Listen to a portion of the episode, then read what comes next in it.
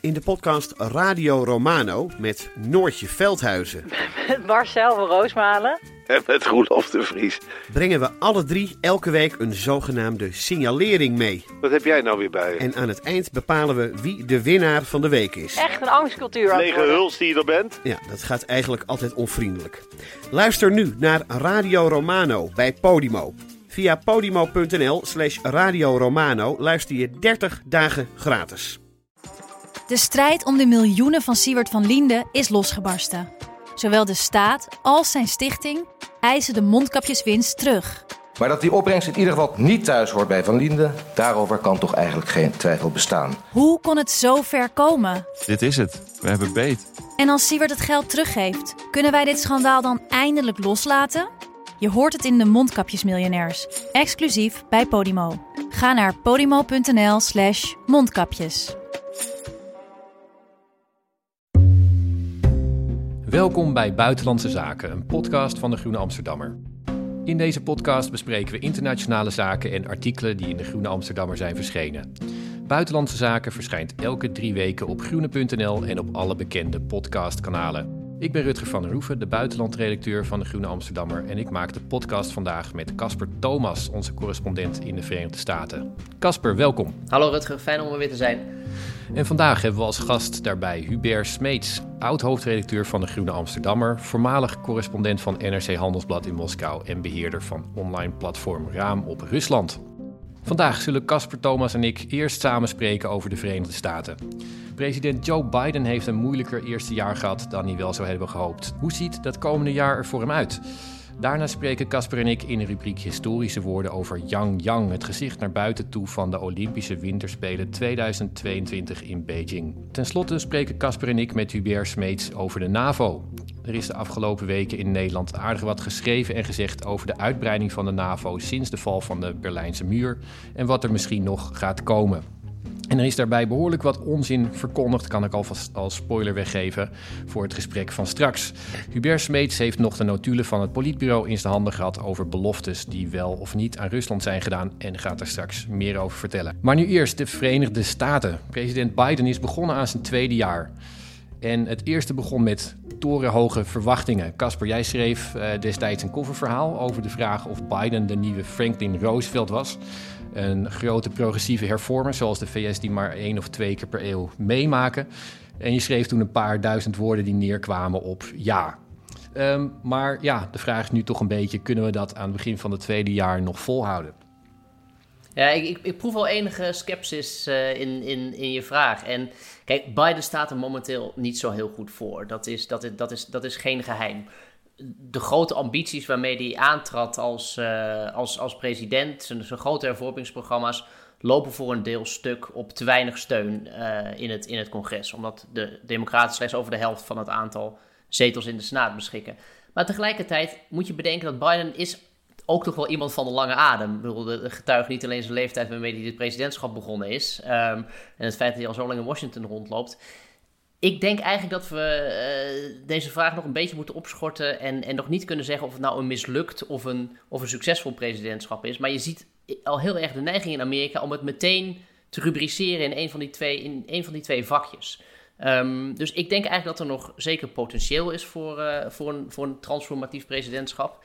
Zo grappig, ik zit hier naast, uh, ligt op mijn bureau een, een, een, exemplaar van Time Magazine dat deze week binnenkwam met Biden die achter in het Oval Office op zijn bureau zit.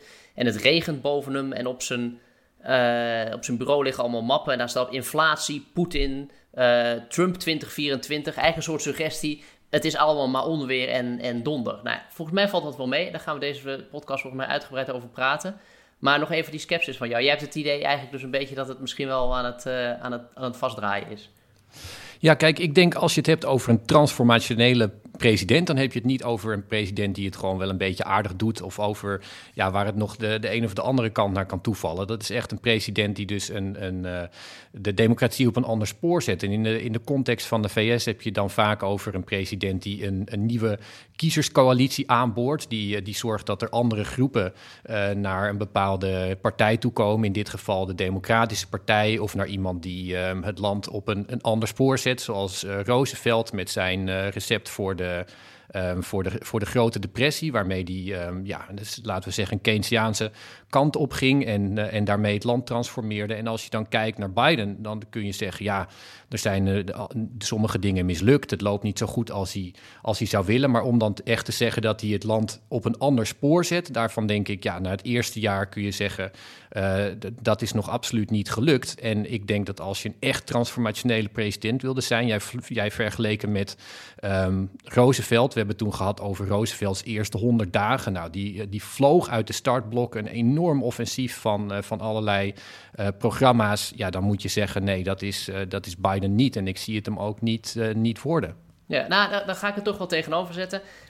Kijk, ik geef toe, de, de, de last van de geschiedenis, die, die drukt hier nogal uh, op, op, op de schouders van Biden. En, en, en vervelende journalisten zoals wij maken die last alleen maar groter door van die grote historische vergelijkingen te maken. Um, maar als je even kijkt, um, Biden heeft een, een infrastructuurpakket, het is een beetje saai misschien, doorheen gekregen. De, sinds ik hier in Washington zit, was het grapje. Het is elke week zou de infrastructuurweek aanbreken. Nou, dat is nooit gebeurd. En dat is in, in, in, in de twintig jaar hiervoor ook niet gebeurd. Dit zijn de grootste investeringen in het, het, het oplappen van Amerika's, Amerika's wegen, sporen, breedband, internet, noem maar op. Het eigenlijk de grootste investering in publieke werken in uh, eigenlijk wel ruim een halve eeuw tijd. Dat is wat ik zeg, het is niet zo sexy, omdat het gaat over, over asfalt. Uh, maar het is toch wel degelijk, uh, stelt het wat voor. En ik weet niet of je je nog kunt herinneren dat we toen in, in de Trump-jaren ging het er hele tijd over... ja, Trump is waanzinnig succesvol, want hij weet zoveel rechters te benoemen. Het hele rechtssysteem weet Trump te transformeren. Biden heeft in, zijn, in zijn eerste jaar meer rechters benoemd dan... niet op, de, op het Supreme Court, komen we zo nog wel even op... maar op lagere rechtshoven... dan Trump voor elkaar heeft gekregen. Dus ook op de rechterlijke macht, als het ware, zit in transformatie. Nou, de COVID-steun is doorgegaan. Um, dus er zijn enorme bedragen die eigenlijk de Amerikanen toch weer door de ergste stuk van die COVID-crisis heen hebben gesleept. Dus dat, dat is toch best wat. Klopt, staat dan tegenover een aantal andere echte vlaggenschepen van Biden. Die zijn, die zijn aan het sneuvelen. Hervorming van het kiesrecht, de Build Back Better wet, waarin hele grote investeringen in verduurzaming zouden gedaan worden. Dat is er inderdaad niet van aan het komen. Maar goed, de strijd duurt nog drie jaar in het congres. En plus, en dat is iets wat, me frappeert eigenlijk, is als je sec kijkt naar, naar de Amerika, dan gaat het eigenlijk economisch gezien eigenlijk best goed. De groei is nog nooit zo hoog geweest als sinds de jaren 80. De werkloosheid is historisch laag. Daar staat tegenover weer de gierende inflatie. En dat zorgt voor een vervelend gevoel bij veel mensen. Maar als je iemand uit een 100-jarige slaap nu zou laten wakker worden en naar Amerika zou laten kijken en hij zou zeggen, en laten zeggen, nou de werkloosheid staat historisch laag en we hebben een gigantisch groeipercentage, dan zouden mensen zeggen, wauw, nou dat moet wel een fantastisch, uh, fantastisch moment zijn. Dus die hele theorie van, ja, het gaat altijd maar over de economie, de, de It's the Economy Stupid theorie, die gaat hier een beetje het raam uit. Want Biden is heel, heel weinig populair, terwijl hij eigenlijk best een stevige economie aan het draaien is. Ja, ja, ik denk dat je daar, daar heb je wel uh, gelijk in. Kijk, voor de, voor de jongere luisteraars onder ons, dat uh, It's the Economy Stupid, dat komt uit de jaren van, uh, van Clinton. Clinton was een um, presidentskandidaat uit een, een, een, een beetje een onwaarschijnlijke kandidaat, een rokkenjager uit een achterwatertje, die het opnam tegen een, een, een president met een enorme staat van dienst, George Bush senior. Um, maar Clinton bleef de hele tijd zeggen van, ja, jongens, hij zei dat tegen zijn team, It's the Economy Stupid, we moeten het altijd hebben over de economie, want die draaide niet zo goed. En vervolgens werd hij verkozen en hij had toen een eerste vier jaar, ja, waarin hij tegenslagen en, en, en dingen had die goed gingen. En toen ging hij weer de hele tijd zeggen, we moeten het hebben over de economie, want die draaide lekker. En toen werd hij weer herkozen met een enorme voorsprong. Dus ja, je moet het over de economie hebben en in Biden gaat het goed. Daar heb je gelijk in. Ik heb zelfs ook gelezen dat, dat voor het eerst in, een, in de Amerikaanse geschiedenis het de persoonlijke vooruitgang van Amerikanen is losgekoppeld van hun, uh, van hun politiek, uh, van hun stemgedrag. Dus je hebt, uh, Reken is, bekend geworden omdat hij de hele tijd zei... staat u er beter voor dan vier jaar geleden? Nou, dat was in 1980 niet zo. Toen hadden de kiezers hadden vier jaar economische crisis achter de rug... hebben Carter eruit gegooid, maar na vier jaar economische groei onder Reagan wel. En Reagan zei, ja, dat ligt aan mij, dus verkies me weer. En dat, dat lukte toen. Dus dat lijkt inderdaad nu wel losgekoppeld. Als zich dat doorzet in november, dan is Biden zou dan de eerste president kunnen zijn in mensheugenis die met een uh, booming economie um, verliest. Maar ja, tegelijkertijd is het zo hè, dat de economie zo hard groeit, is natuurlijk ook omdat die was enorm was ingezakt onder COVID. En ehm, ja, Biden heeft niet dat probleem opgelost waar de, waar de Republikeinen steeds van profiteren. Dat er een soort deadlock is in, in Washington, dingen niet gedaan kunnen krijgen. En dat in principe ehm, toch werkt in het voordeel van de partij die de meeste ehm, ja, frustratie daarmee weet te kapitaliseren. Dat is de Republikeinse Partij. Ja, nou, als ik, ik wil even aanhaken op die, die loskoppeling die je zei. Want ik, ik krijg een beetje de indruk dat we in een soort andere. Uh, dat we eigenlijk nog presidentschappen bespreken en beoordelen. En dat, dat geldt ook voor Amerika zelf. Uh, met, met, met middelen en, en lenzen als het ware, die nog uit een ander tijdperk komen. Dat we in, maar dat we eigenlijk inderdaad in een soort tijdperk zijn terechtgekomen waar traditionele indicatoren over wat nou een succesvolle of een populaire president maakt, die doen eigenlijk niet zo meer ter zake. Uh, Biden, als je even ook naar de peilingen kijkt, is de op één na minst populaire president ooit in de geschiedenis van heel Amerika na een jaar. Er was maar één iemand die nog minder populair was, dat was zijn voorganger, Donald Trump. Maar Biden is dus echt ontzettend impopulair. Um, maar ik las een interessant onderzoek van The Economist deze week. En die, die wierp eigenlijk de suggestie op: ja, weet je, die, die populariteitscijfers, daar heb je eigenlijk niet zoveel meer aan.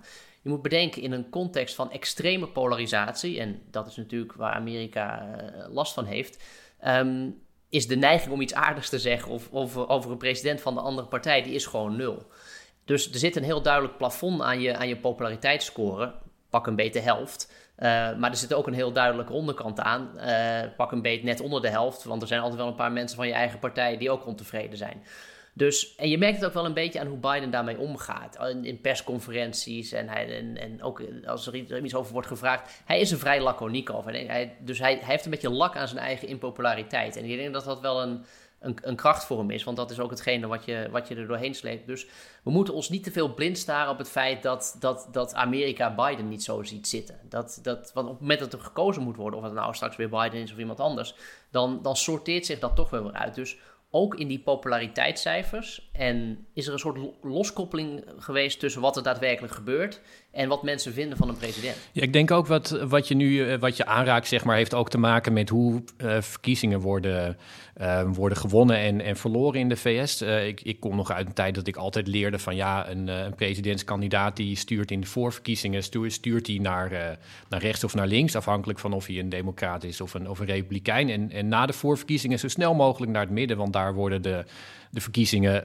beslist. Maar goed, dat is duidelijk niet meer zo. Trump die. Uh, won zijn verkiezingen door, uh, door heel erg aan de rechterkant te blijven. Aan de, in de Democratische Partij zijn er veel mensen die roepen dat, um, ja, dat de, de, Democratische Partij hard naar links moet, uh, moet sturen. En die uh, zeg maar dat beslissen van die verkiezingen in het midden, dat lijkt toch een beetje um, los te zijn ge gehaakt uh, naar de andere regel dat je moet zorgen dat je eigen achterban komt opdagen. Want die middengroep die is gewoon erg klein geworden.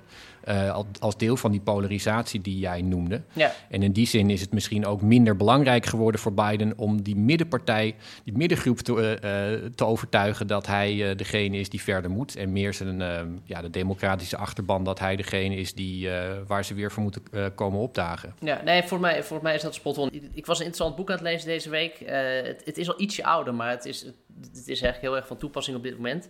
Um, en het heet Uncivil Agreement: How Politics Became Our Identity. En het, het, is, het, duidt eigenlijk de, het Amerikaanse politieke moment. En zegt eigenlijk het enige, het enige wat er nog echt toe doet in het, uh, in, in het stemgedrag van Amerikanen. is het psychologische mechanisme tot welke, tot welke club je behoort. Dus dat raakt ook weer aan dat, dat gesprek wat we net hadden over die, over die populariteitscijfers. Uh, je, gaat, je, schuift, je, je schuift niet over naar een andere club. Uh, dus dat is, dat is iets wat, uh, ja, wat ik zeg, wat, wat, wat, wat heel, het heel moeilijk maakt om ook een soort oordeel te vellen over, ja, hoe, wat, wat vinden mensen nou van Biden? Hoe gaat het nou? Casper, iets, iets wat ik dan wel, wat we, wat we ook kunnen aanraken hier. Die, het komende jaar voor Biden gaat natuurlijk steeds meer in het, in het teken staan van de, van de naderende verkiezingen. Nou, een van de dingen die hij heeft aangekondigd uh, vorige week. Uh, is een campagnebelofte inlossen dat hij een, um, een, een, zwarte vrouw wil benoemen in het Hoge Rechtshof. Maar die verkiezingen zullen steeds meer een, um, ja, soort over, over zijn tweede jaar gaan hangen. Want we hebben het uh, hier eerder in de podcast ook over gehad. Als hij straks het Huis en de Senaat verliest, en die kans daarop is, is flink groot, dan wordt hij een soort lame duck president, zoals ze noemen, en dan kan die, krijgt hij ja, de rest van zijn presidentschap niks meer gedaan. Dus wat is nu het, het pad vooruit voor, voor Biden? Wat kan hij dit jaar doen om dat nog te beïnvloeden? Nou, eigenlijk, eigenlijk niet zo gek veel. En daarmee kom je dus toch op, op daarom zet Time Magazine COVID als, als donderwolk boven, boven Biden.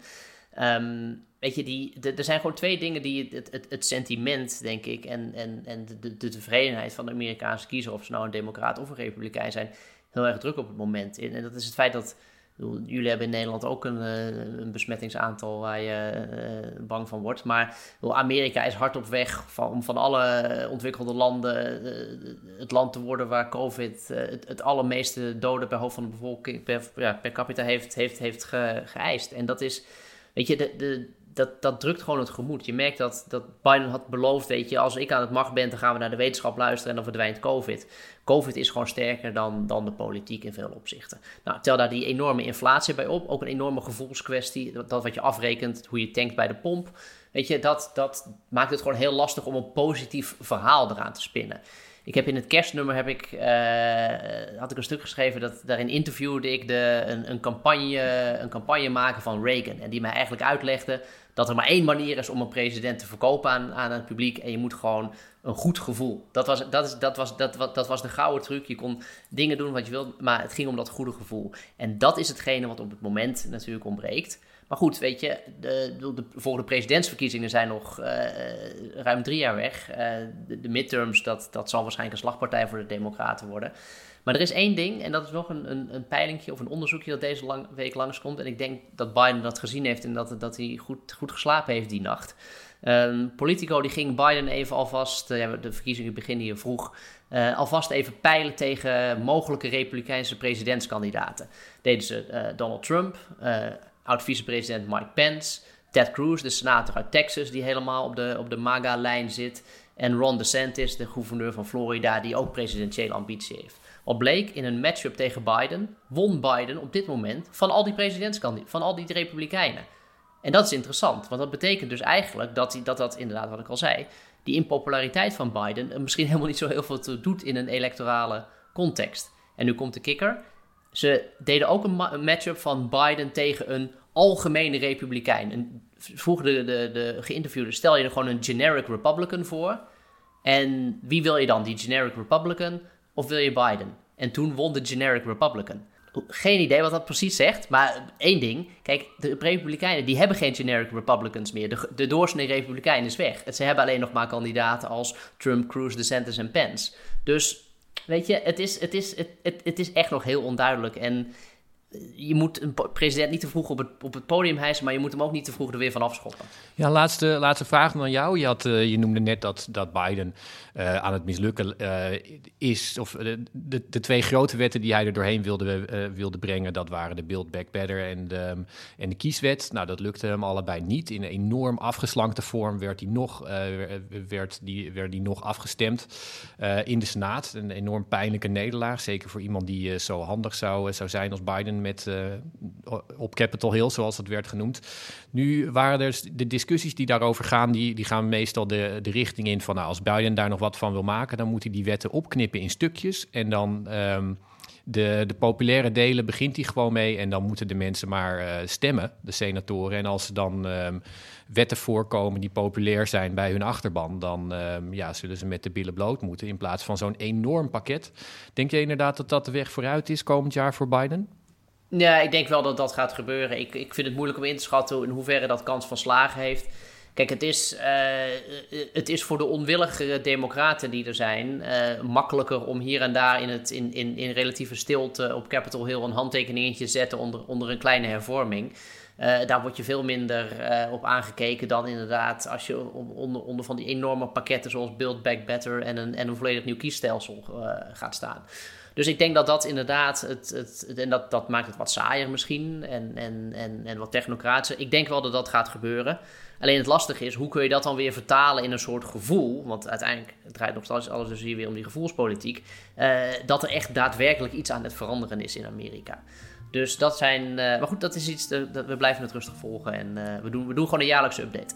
Ja, nou ja, en de Amerikanen hebben een, enorm talent om uh, zo'n enorm doems- en ondergangsgevoel uh, weer te weten om, uh, om te gooien naar een, een, enorme positiviteit. Dus wie weet, het is nog een eind te gaan. Ja. We gaan het, Ik krijg wel af en toe idee dat Amerika een beetje verslaafd begint te raken aan het eigen, eigen ondergangsnarratief. En, en, en de, de wereld om Amerika heen daarmee ook. Dus dat, daar moeten we ook weer voor waken. gaan we zeker doen. Goed, dankjewel.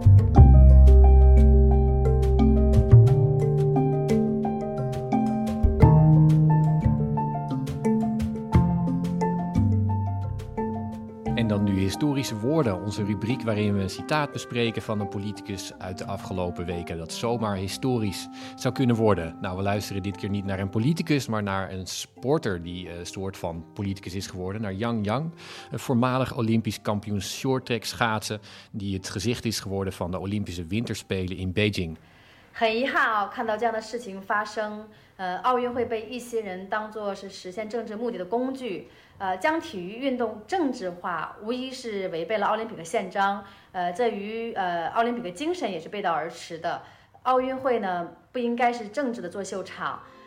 Ja, Yang Yang zei hier dat ze het heel verdrietig vond om te zien uh, dat de sport voor een politiek spel werd ingezet en dat de politisering die bij de winterspelen plaatsvond het Olympisch karakter in geding zou brengen. En dat, ja, dat zorgde voor een beetje opwinding, omdat zij expliciet refereerde aan de rechten van sporters, maar ook de verantwoordelijkheid van sporters. En dat werd toch door veel mensen geïnterpreteerd als een waarschuwing dat sporters um, beter hun mond konden houden, anders dan zouden daar consequenties tegenover staan. Casper, wat vind jij uh, van deze woorden? Ja, kijk, ik, ik ben zelf altijd, nou, voor mij moet je alles zoveel mogelijk politiseren en uh, en, en, en sport zeker.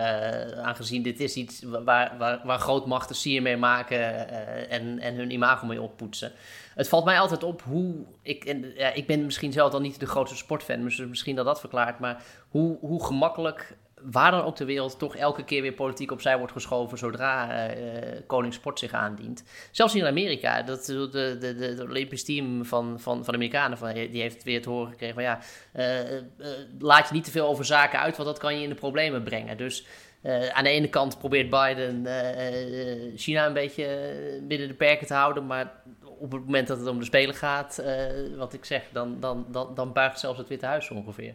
Ja, nou, ik moet zeggen, dit is, uh, ik vind het een beetje een, een lachwekkend citaat. Want als er nou één land is wat altijd uh, sport uh, politiseert de afgelopen jaren, dan is het China. Ehm, China heeft de Olympische Spelen in Beijing, de Zomerspelen, heeft hij enorm gebruikt om zijn politieke model te promoten naar de wereld toe. En ik heb ook wel eerder een stuk geschreven voor De Groene, waarvoor ik dan boeken diagonaal las over de geschiedenis van, van de Olympische Spelen. Nou, bottom line is, Olympische Spelen zijn altijd, altijd, altijd politiek geweest. Elke keer zeggen mensen: laten we nou het keertje niet aan politiek doen, maar Duitsland, Frankrijk, Sovjet-Unie, Verenigde Staten, um, nou ja, Nazi-Duitsland. Er is altijd, altijd politiek aan de gang.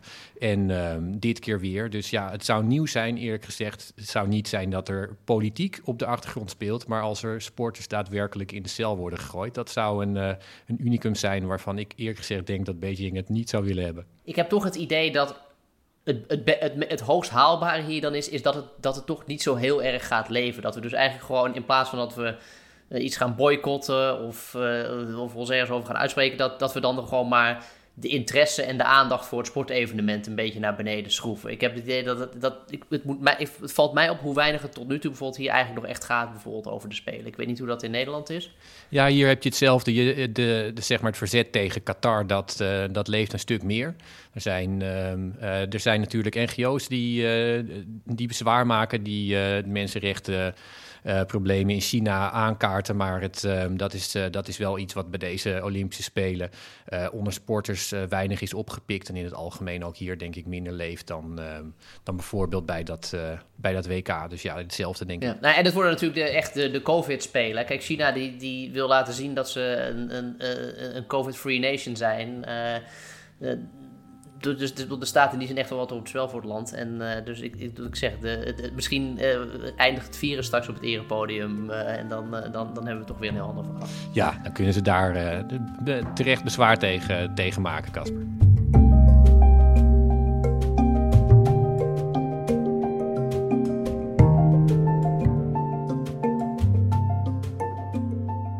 En dan nu, het met afstand machtigste militair bondgenootschap van de wereld, de NAVO. Noord-Atlantische verdragsorganisatie, zoals die volledig heet, liet na de Koude Oorlog 14 landen toe uh, die om lidmaatschap hadden gevraagd. Rusland eist nu een schriftelijke garantie dat Oekraïne niet de volgende zal zijn en heeft 130.000 militairen verplaatst naar de grensstreek om die eis kracht bij te zetten. We gaan erover praten met Hubert Smeets. Hubert was jarenlang redacteur van NRC Handelsblad was begin jaren 90 correspondent in de Sovjet-Unie en beheert het kennisplatform Raam op Rusland. En hij was hoofdredacteur van de Groene Amsterdammer in de eerste jaren dat ik hier werkte. Dus heel erg leuk om je hier aan tafel te hebben. Hubert zit tegenover mij aan uh, de single. Welkom. Dank je zeer. Um, Hubert, er is volop debat in de Nederlandse media over uh, deze zaak. En er roeren zich opvallend veel Ruslandbegrijpers die de NAVO-uitbreiding een hele vuile zaak vinden. Omdat de Amerikaanse minister James Baker in 1990 had beloofd dat dat niet zou gaan gebeuren. Jij zat toen in die tijd in uh, Moskou. En Um, hoe, keek, hoe keek eigenlijk het, het politbureau en de Russische politieke elite tegen die belofte aan? En de, de, de, tweede vraag daarbij is, eh, dus hoe keek ze er tegenover aan en hoe vind je dat als argument in 2022? Ik ben uh, drie kwart jaar na de hereniging van Duitsland, althans de val van de muur in 1989, naar Rusland gegaan.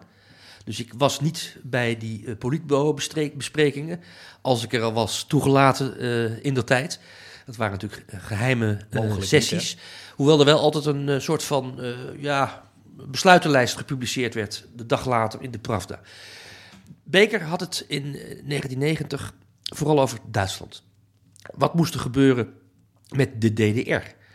Moest de DDR, als het zou herenigen met de Bondsrepubliek, uh, moest, dat, moest dat herenigde Duitsland lid worden van de NAVO of niet? Daar was aanvankelijk de Sovjetleiding tegen.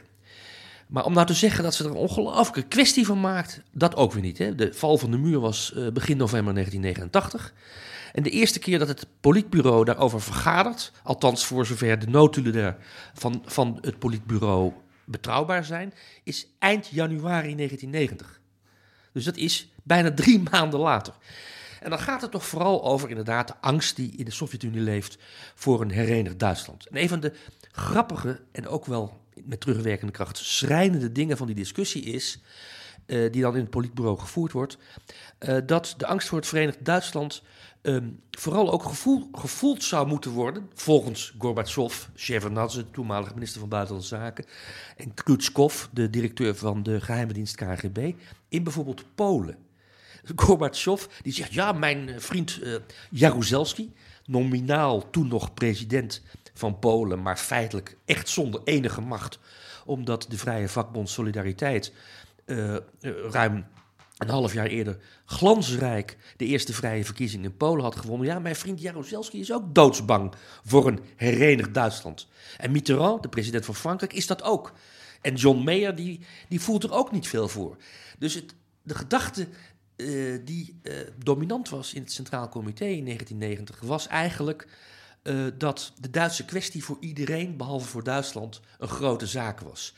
Uh, dat het idee dat in Polen men af wilde van de Sovjet-protectie, en in Tsjechië later ook, en in de DDR al helemaal, maar ook uh, Hongarije, um, dat idee kwam eigenlijk bij de politieke leiders van de Communistische Partij van de Sovjet-Unie niet, niet op. Ze gingen uiteindelijk door de bocht, door de pomp, moet ik zeggen. Uh, en Beker, dezelfde Beker, die had gezegd geen inch naar het oosten. Dat sloeg op de DDR, hè, nogmaals. Niet op Polen, niet op Tsjechoslowakije, niet op Hongarije. Dezelfde Beker wist op een gegeven moment Gorbachev en Shevardnadze te overtuigen met een, denk ik, heel in die tijd heel realistisch perspectief. Hij zei, wat hebben jullie liever? Michail Sergejevich, Gorbachev en Shevardnadze. Een herenigd Duitsland binnen de NAVO, lees, onder Amerikaans toezicht of een herenigd Duitsland dat echt onafhankelijk is? Nou, het antwoord op die vraag was in Duitsland, eh, eh, sorry, was in de Sovjet-Unie, gelet op de Tweede Wereldoorlog als ervaring, vrij helder. Dan liever onder Amerikaans toezicht. En daar, vanaf dat moment, zou je kunnen zeggen, heeft uh, de leiding in Moskou aanvaard, zoals Gorbachev zelf, ik citeer, zei, laten we de Duitsers zelf beslissen hoe hun toekomst eruit ziet. En die woorden laten de Duitsers zelf beslissen hoe hun toekomst eruit ziet. Die werden in Polen, Tsjechoslowakije, Hongarije ook zeer goed gehoord. Want als het voor Duitsland gold, dan gold het uiteraard ook voor de Polen, Hongaren en de Tsjechen. Ja, dus deze, die belofte, die is gedaan, zeg je, maar die gold Duitsland. Het, was, uh, de, het ging helemaal niet over, over NAVO, maar tegelijkertijd... de belofte is gedaan door James Baker in een, in een gesprek. Maar toen James Baker terugkwam in Washington, toen zei Bush senior, we hebben, jullie hebben hem al gememoreerd uh, in, in het vorige half uur, toen zei Bush senior, ben je helemaal besodemieterd? Wie heeft, het, wie heeft de Koude Oorlog gewonnen? Wij toch? Dus die uh, Sovjet-leiders die moesten in de ogen van uh, Bush senior echt een toontje lager zingen. En toen was dat hele verhaal ook van tafel. De enige die het nog geprobeerd heeft om die belofte verder vorm te geven, was de toenmalige minister van Buitenlandse Zaken van Duitsland, Genscher. Uh, die, had, die was bereid tot alles om de Duitse hereniging maar mogelijk te maken. Maar de, in Amerika was het verhaal weg. En ook Frankrijk en Engeland hebben het verhaal eigenlijk niet meer op tafel gekregen. En klopt het dat dit, dit argument pas de laatste jaren is teruggekomen steeds als van ja, maar in 1990 zei James Baker, dus het is allemaal heel erg gemeen? Het, dateert van 2007, toen uh, Poetin op de jaarlijkse veiligheidsconferentie in München een keiharde toespraak heeft gehouden. Nou, nu draaien we onze hand niet meer voor zo'n toespraak om, maar toen was het een schok uh, voor de halve wereld. Een toespraak heeft gehouden tegen de Pax Americana. En in die toespraak heeft uh, Poetin duidelijk gemaakt uh, dat in zijn ogen en in zijn beleving de NAVO een belofte had geschonden, geen woord had gehouden. Maar als je strikt kijkt naar wat er gebeurd is, dan is de conclusie toch eigenlijk meer voor de hand liggend dat Gorbachev op het kritieke moment geen afspraken heeft gemaakt, op het kritieke moment liever D-marken had dan politieke beloftes voor de toekomst. En op het kritieke moment ook te veel bezig was met zijn eigen problemen in eigen land. Want de Sovjet-Unie in 1990, de oudere luisteraars die kunnen zich misschien nog herinneren, was, kwam toch vooral in het beeld en in het nieuws met die eindeloze rijen die voor de winkel stonden voor een stukje worst of een kilootje tomaten of aardappelen. De Sovjet-Unie had werkelijk de handen vol aan zichzelf en Gorbachev dus ook. -hmm. Tja, Casper, jij, um, even goed is Rusland heel erg ontevreden met, uh, met de status quo. Die heeft een aantal eisen neergelegd bij de Verenigde Staten. Uh, dat waren schriftelijke eisen. Ze eist dat dat binnen een maand werd beantwoord. Nou, dat, is, uh, dat hebben de Verenigde Staten ook, weer, ook gedaan. En um, ja, dat papieren antwoord, dat vond je eigenlijk wel heel erg slim gedaan, zeg, zei je te tegen me. Kun je dat uitleggen? Ja, kijk, de, de, de, de eisen van Rusland... Dit, Rusland staat voor mij al bekend dat het in, deze context absurde eisen uh, neerlegt. Onder andere inderdaad was het uh, de, de, vraag van God, NAVO trek je maar even terug naar de grenzen van 97 en daar zou mee, en zouden de hele Baltische Staten er weer buiten vallen. Nou ja, en wat wel aardig is eigenlijk, is dat het Witte Huis heeft gezegd, luister, we gaan, we gaan hier niet eens over onderhandelen. Ben je helemaal, ben je, helemaal mal geworden? Um, dus daar komen we nog wel vaak meer over te spreken in dit deel. Maar uh, de harde lijn van, van Amerika is op dit moment echt behoorlijk hard. En vervolgens deden ze er nog een schepje bovenop naar verluid. Namelijk, ze hebben gezegd: Oké, nou, uh, Rusland, jullie willen dan praten over NAVO-activiteiten uh, aan, aan, de, aan de Russische grens. dat is goed, um, maar dan, dat doen we dan. Maar op voorwaarde dat Rusland zich ook terugtrekt van de Krim, uit het oosten van Oekraïne. Uh, dus eigenlijk wat Amerika heeft gedaan is een soort absurde eis tegenover de, uh, de Russische absurde eis zetten. Of, bedoel, misschien eigenlijk is het geen absurde eis in moreel opzicht. Uh, maar het is in ieder geval een, een absurde eis vanuit Russisch perspectief. Um, en daarmee staan er eigenlijk twee wensen tegenover elkaar. Die de beide grootmachten allebei nooit zullen inwisselen. Dus daarmee neutraliseer je het eigenlijk een beetje. Dus dat, dat daarvoor vond ik dat diplomatiek gezien wel een, een slimme zet. Mm tja, um Hubert, wij, uh, uh, we schreven afgelopen week, schreef de Groene Amsterdammer, en uh, die schreef een opening over, over deze zaak. onder andere ehm, Ruslandkenner Mark Galliotti werd daarin gevraagd. Die zei toen dat westerse analisten, die lijken er altijd van uit te gaan dat, um, dat Poetin en, en de kring om hem heen, dat hij altijd reageert op de internationale situatie, maar dat in feite de binnenlandse politieke situatie meestal belangrijker is om te verklaren waarom Poetin bepaalde uh, bepaald beleid kiest. Um, ben je het daarmee eens? En, en wat zegt die binnenlandse situatie in Rusland nu eigenlijk over het huidige moment? ik weet niet of ik het ermee eens ben. Ik denk dat in uh, de Russische politiek, buitenlands beleid en binnenlandse politiek erg verweven met elkaar zijn. Het is heel moeilijk, vind ik, om het primaat der innenpolitiek of het primaat der außenpolitiek uh, in Rusland ja, vast te stellen en, uh, en, vast te nagelen. Feit is wel, daar heeft Galliotti zeker gelijk in, dat de Russische binnenlandse politieke verhoudingen helemaal niet zo goed zijn. Er zijn echt grote sociaal-economische problemen in Rusland. Die hebben te maken met het beleid van Poetin zelf, grotendeels. Kan niet liggen aan de olieprijs en de gasprijs, want die gaat weer lekker door het dak. En de Russische overheidsbegroting is voor 50% afhankelijk van de opbrengsten van de export van olie en gas. Uh, dus je zou zeggen, met zo'n hoge prijs moet, de, moet het, de regering in het Kremlin wel een veer kunnen wegblazen. Dat gebeurt toch eigenlijk heel weinig. Uh, sterker nog, de afgelopen zeven jaar verkeert Rusland in een soort van economische recessie. Tegelijkertijd uh, is de inflatie nog steeds te hoog. Niet meer zo hoog als in de jaren 90, maar het is nog altijd wel zo rond de 5, 6 procent dit jaar. Dat is echt veel.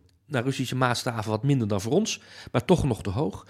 De pensioenen, de pensioengerechtigde leeftijd is verhoogd in een veel sneller tempo dan de kabinetten Rutte hebben gedaan in Nederland. Dat is voor heel veel Russen echt een serieus issue.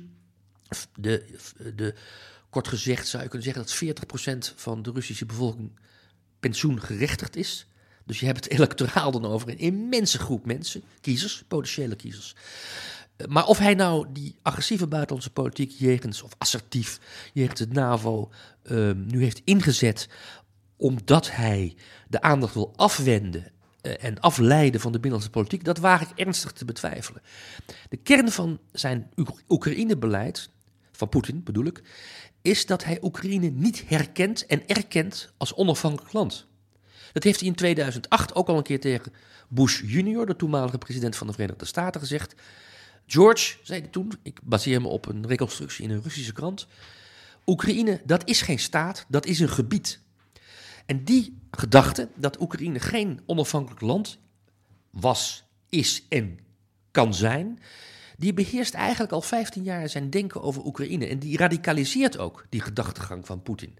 De, de, de, de, manier waarop eh, niet Poetin zelf, maar veel anderen om hem heen over Oekraïne praten, dat is, dat is, dat is van een grofheid die eigenlijk niet te verklaren is met een puur politi analytisch politiek model. Dat is bijna persoonlijk aan het worden. Oekraïnse nationalisten zijn onmensen, beweert de minister van Defensie van Rusland. Poetin, eh, de, de voormalige premier van Rusland, Medvedev, nu vicevoorzitter van de Nationale Veiligheidsraad van Rusland, die, uh, die maakt een enorme zaak van het feit dat de Oekraïnse president Joods is.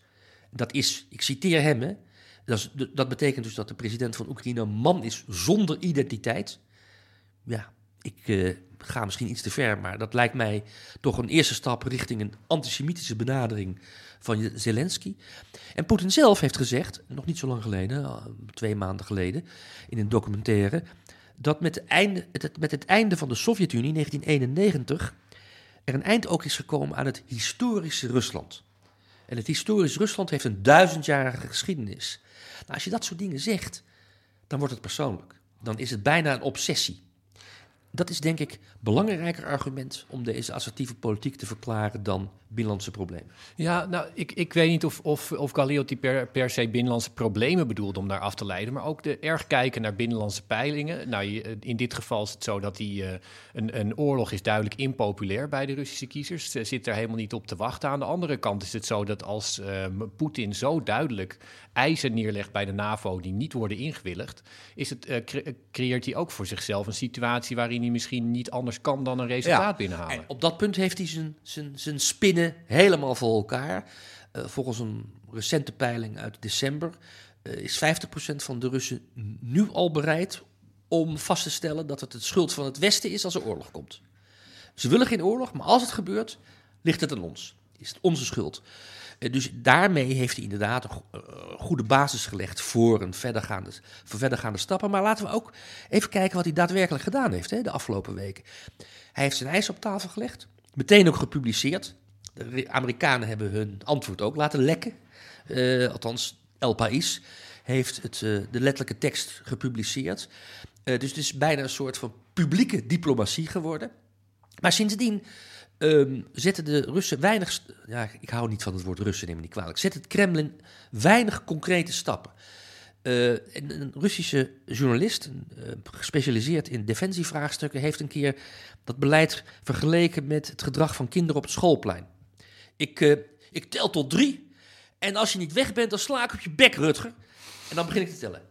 Eén, twee, tweeënhalf, twee en een kwart, twee acht negende, 2, 8, 19e. Met andere woorden, ze willen dat moment uh, van het ultimatum dat ze zelf gesteld hebben, kennelijk niet naar zich toe trekken, maar juist uitstellen. En dat wijst erop dat ze misschien iets anders van plan zijn. Mm Tja, Casper, uh, Hubert die had het al over die uh, over dat Amerikaanse antwoord. Nou, dat was gewoon eh, even strak als, uh, als zeg maar de Russische eis. Gewoon uh, nee. En um, ja, vanuit Europese ogen gezien is het, zeg maar aan de ene kant is het, um, ja, wekt het ook wel bewondering dat, dat de Verenigde Staten gewoon zo strak op hun eigen lijn doorgaan. Aan de andere kant is het ook wel, lijkt het vanuit Europa ook wel heel erg gezien dat de Verenigde Staten gewoon vastzitten in één vast tramien. Gewoon altijd weer het Koude Oorlog-perspectief, goed en kwaad. Ehm, ja, dat kan een, kracht zijn, maar het lijkt uh, in ieder geval vanuit het oude continent gezien, zeg maar, ook wel heel erg inflexibel. Ja, dat, dat, dat klopt. Ik denk niet dat, dat Amerika zich heel erg, laten we zeggen, geopolitiek aan het innoveren is op het moment in, in dit conflict. Maar tegelijkertijd kun je je afvragen hoe erg dat is. Je ziet het trouwens, uh, even een kleine terzijde, ook aan het, aan het verschil in uh, hoezeer de, de Russische dreiging wordt gepercipieerd in, in, in Europa en in Amerika. Uh, het lijkt erop dat, dat Amerika de oorlogsbereidheid en de aanvalsbereidheid van Rusland veel hoger inschat dan, dan de Europese landen.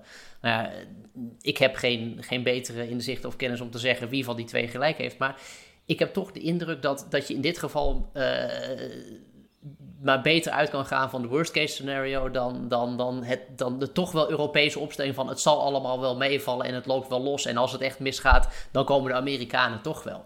Dus eh, wat ik zeg, het is niet. Amerika kiest een hele traditionele opstelling en zegt gewoon inderdaad: uh, we're the good guys en, en, en, en de Russen zijn hier de slechterikken. Um, maar waarom ik denk dat dat uh, toch, toch werkt als het ware in dit conflict. En je moet oppassen met dat, met dat soort stellingen. Maar volgens mij is het enige wat, uh, even plat gezegd, Poetin in zijn hok houdt. Uh, het, het besef dat de consequenties van een aanval op Oekraïne of wat dan ook veel zwaarder zullen zijn dan de eventuele voordelen die ermee te bereiken zijn. En dan Europa zelf legt niet, legt niet genoeg weerstand neer. Dat is wel duidelijk. Op het moment dat uh, onder auspiciën van Rutte, uh, Wopke Hoekstra zijn eerste ronde buitenlanders ministerschap mag komen laten zien in Kiev, dan gaan ze naar huis en zeggen: Ja, we gaan nu bespreken. U, u hoort over een paar weken wel of we eventueel aan militaire steun zullen doen. Nou, over een paar weken in het huidige scenario loop je het risico dat, dat, dat je veel te laat bent. Dus. Uh, misschien is het een beetje uh, wiens water men drinkt, uh, wiens woord men begint te spreken. Maar ik vind die Koude Oorlogopstelling van, van de VS, volgens mij is dat in dit gezin eerder een zegen dan een, dan een vloek. Ja, ja, we moeten natuurlijk wel eerst even een comité daar heel zorgvuldig naar laten kijken, Casper. Maar Hubert, ik, Casper had het net over, een, over het worst case scenario. dat is um, nou, vanuit Amerikaanse oog, ogen duidelijk een, een oorlog. Um, ik ga je een, nieuwe uh, zeg maar expert opinion even voor de, voor de voeten leggen. Want uh, Ivan Krastev, uh, de Bulgaarse politicoloog, die schreef een paar dagen geleden in de New York Times dat um, de Verenigde Staten steeds waarschuwen voor dat ergst mogelijke, namelijk een uh, Russische invasie. Terwijl Europeanen schijnen te denken dat Poetin iets ergers van plan is, wat in Europese ogen erger is, uh, namelijk een permanente destabilisatie van westerse landen en van buurlanden die niet pro-Russisch zijn. Wat vind je van die analyse? Die deel ik volledig. Uh, Krastjev heeft denk ik hier echt de spijker op de kop geslagen. wat er allemaal nog in, het, uh, in, in, de gereedschapskist van het Kremlin zit, even daar gelaten. De grote lijn van het Kremlin de afgelopen twintig jaar is geweest om te voorkomen dat de Europese eenwording echt een politiek gezicht krijgt. Dus wat het Kremlin altijd gedaan heeft, is geprobeerd te proberen om de Europese landen uit te spelen. Nou, deze week hebben ze weer een formidabel succesje geboekt met het feit dat Viktor Orban, de premier van Hongarije, naar Rusland ging.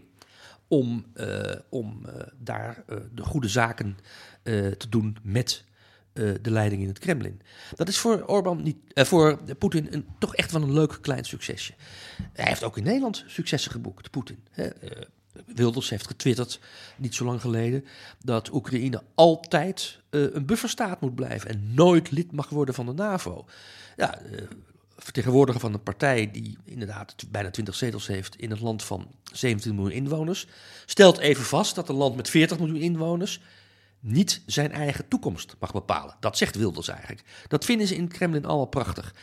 En die onzekerheid die uh, op die manier gecreëerd wordt, uh, die willen ze zo lang mogelijk volhouden. Dus het gaat er ook een beetje van uit dat wanneer die onzekerheid uh, echt vaste voet aan de grond krijgt, binnen de NAVO ook, de NAVO überhaupt geen trek meer heeft in welke uitbreidingsdiscussie dan ook. dus die strategie die Krastjev beschrijft, is denk ik hoe dan ook een rode draad die ook wat er ook gebeurt in Oekraïne voort zal zitten komende jaren. Ja, Casper Hubert die, die zei het al, van nou ja, hè, we kunnen Rusland kan doen alsof er uh, een, een NAVO-uitbreiding uh, op stel staat, maar dat is helemaal niet zo. Er zijn heel veel landen die er uh, absoluut geen zin in lijken te hebben in, in nieuwe avonturen. De NAVO heeft best wel slechte jaren achter de rug. eerst was daar ehm, de sloophamer die, die Trump er, erop losliet. En vervolgens Macron, de Franse president, die reageerde daar weer op door te zeggen dat de NAVO hersendood was. Nou, dat um, heel veel op, op, oproer, zeg maar. Um, welke, welke sporen van die, uh, van die schade die toen is gedaan in die jaren zie jij nu, nu terug in het huidige moment? Ja, dat, dat is een goede vraag. Hubert's woorden net hebben me ook wel een beetje aan het denken gezet. Als je ook even weer die, die, het verschil tussen de Europese en de, en de, de Amerikaanse opstelling. Uh, kijk, als we inderdaad aannemen dat Poetins intenties, Poetins spel hier niet is uh, een aanval in Oekraïne of wat ook, maar een soort long game van permanente destabilisatie. Uh, dat, dat betekent iets heel anders voor Amerika dan voor, uh, dan voor, dan voor Europa. Europa is degene die daar het, het permanente last van heeft. en Amerika zit dan toch een beetje op afstand. Dus je ziet ook dat Amerika eigenlijk een beetje hoopt dat dit als het ware een soort kort conflict is dat even opleeft, beheerst wordt en dan kunnen we weer verder trekken. Um, maar dan kom je dus eigenlijk op het punt dat uh, Europa, Euro, Europa moet gaan kiezen. Die, die, die, die, die, ze moeten of met de Amerikanen mee in deze, uh, of, ze moeten, ja, of ze moeten Amerika's harde lijn en, en, en toch ook wel, vrij oorlogzuchtige retoriek uh, daar afstand voor proberen te nemen. En wat je eigenlijk ziet, wat ik, wat, dat, dat Europa nog te weinig de lessen van de Trump-jaren heeft getrokken. Want dat Amerika die, die is misschien weer eventjes karttrekken van de NAVO als het zo uitkomt. Uh, maar op het moment dat, dat, dat er kan straks weer een volgende president zitten die daar, die daar weer minder zin in heeft. Biden kan op een gegeven moment zeggen: jongens, we hebben er genoeg van, uh, we hebben onze aandacht elders nodig. Dus um, ik zie toch net iets te weinig besef uh, in Europa dat ze met een eigen verhaal en een, en een, een eigen positie als het gaat om defensie moet komen. Want uh, Amerika is niet langer meer de vertrouwde bondgenoot die het was. Ook al lijkt dat misschien nu eventjes zo, omdat meneer Biden zich heeft gemeld in, een, uh, zaken een, een, een conflict met Rusland. Ja, Hubert, als we zeg maar ervan even vanuit mogen gaan dat. Um, dat inderdaad een van de, van de motieven van, van Poetin is om de, dit soort uh, scheuren of, of problemen binnen de NAVO bloot te leggen. Nou, Casper die, die zegt duidelijk dat dat, um, dat dat behoorlijk wat succes lijkt te hebben. Hoe zie, hoe zie jij dat? Ja, op dat punt ben ik het niet met Casper eens. ik geef toe, misschien ben ik blij met een dode mus. En één zwaluw maakt zeker geen, geen zomer om twee metaforen achter elkaar te stapelen. Maar de crisis rondom Oekraïne nu heeft Oekraïne op de kaart gezet. Dat was jarenlang niet het geval. in de Oekraïne, daar hadden we allemaal wel een opvatting over. Dat waren rare lui, uh, een beetje agressief, een beetje militaristisch, eh, maar vooral corrupt. Het land waar in het parlement gevochten wordt in plaats van gepraat. Um, en op dit moment is Oekraïne echt wel even uh, op, het, op het bord verschenen.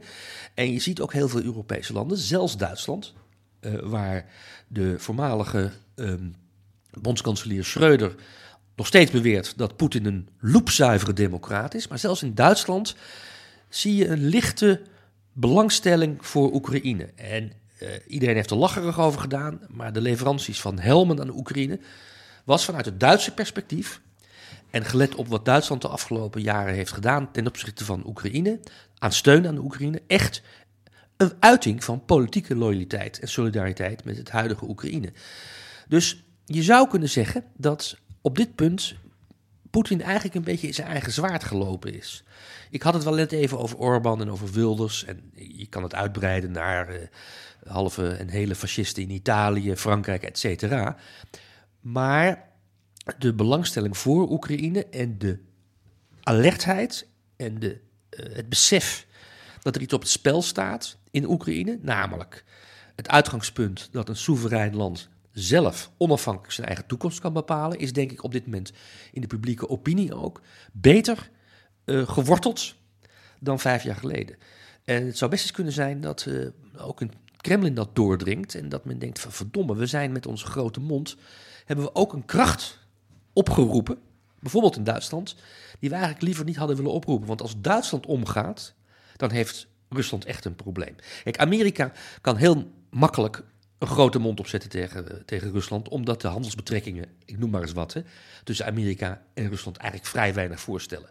Dat geldt ook voor Groot-Brittannië. Boris Johnson, hè, we sturen daar uh, speciale vliegtuigen naartoe met, uh, met defensief materiaal voor de huidige Oekraïnse krijgsmacht. Maar ook de verhoudingen tussen Engeland en, en Rusland zijn handelstechnisch gesproken, statistisch gesproken, buitengewoon gering. De werkelijke landen die er te doen zijn Frankrijk, Duitsland, Italië en Nederland. En als daar enige coherentie is in het Ruslandbeleid, dan heeft het Kremlin toch eigenlijk misschien het omgekeerde bereikt van wat het had willen bereiken met die escalatie van eisen. En als je het dan hebt over het belang van de NAVO, denk je dat ook op dezelfde manier dat is gegaan? Dat veel mensen nu redeneren van nou, uh, Oekraïne valt er buiten, maar het is maar toch maar heel goed dat we dat met de Baltische landen hebben gedaan. En nu moeten we ook zorgen dat, uh, dat deze club bij elkaar blijft. Ja, dat, dat blijkt ook wel een beetje uit, uh, uit onderzoek. er is in, de, de, de, Oekraïne is een stap te ver om lid te worden van de NAVO en de Europese Unie ook. Dat, daar hebben we in Nederland dat referendum over gehad. Weliswaar deden maar 30% van de kiesgerechtigden mee, maar toch. Um, maar je ziet wel in Nederland een, een hele heldere tegenstelling als het gaat om uh, het kijken naar uh, het Oekraïnse conflict uh, langs partijpolitieke lijnen. Kort gezegd, PVV'ers, Forum voor Democratiërs, die zijn allemaal Kremlin gezind. En de democratische partijen zijn dat niet. En ik zie niet een doorbraak richting de VVD, bijvoorbeeld vanuit het Kremlin, waar je het zou verwachten. Gebeurt niet, integendeel. Dus het is niet zo dat Poetin heel veel slagen geïncasseerd heeft. Het enige wat hij nog steeds kan blijven doen is, waar Krastjev het over heeft, destabiliseren. Continu de spoiler zijn van de internationale gemeenschappen. Dat doet hij al 15 jaar en dat doet hij met groot succes. Ja, daar, uh, daar lijkt hij behoorlijk, behoorlijk goed in. Nou, uh, Hubert, heel erg bedankt voor je bijdrage hieraan. Wij uh, blijven deze zaak natuurlijk intensief volgen.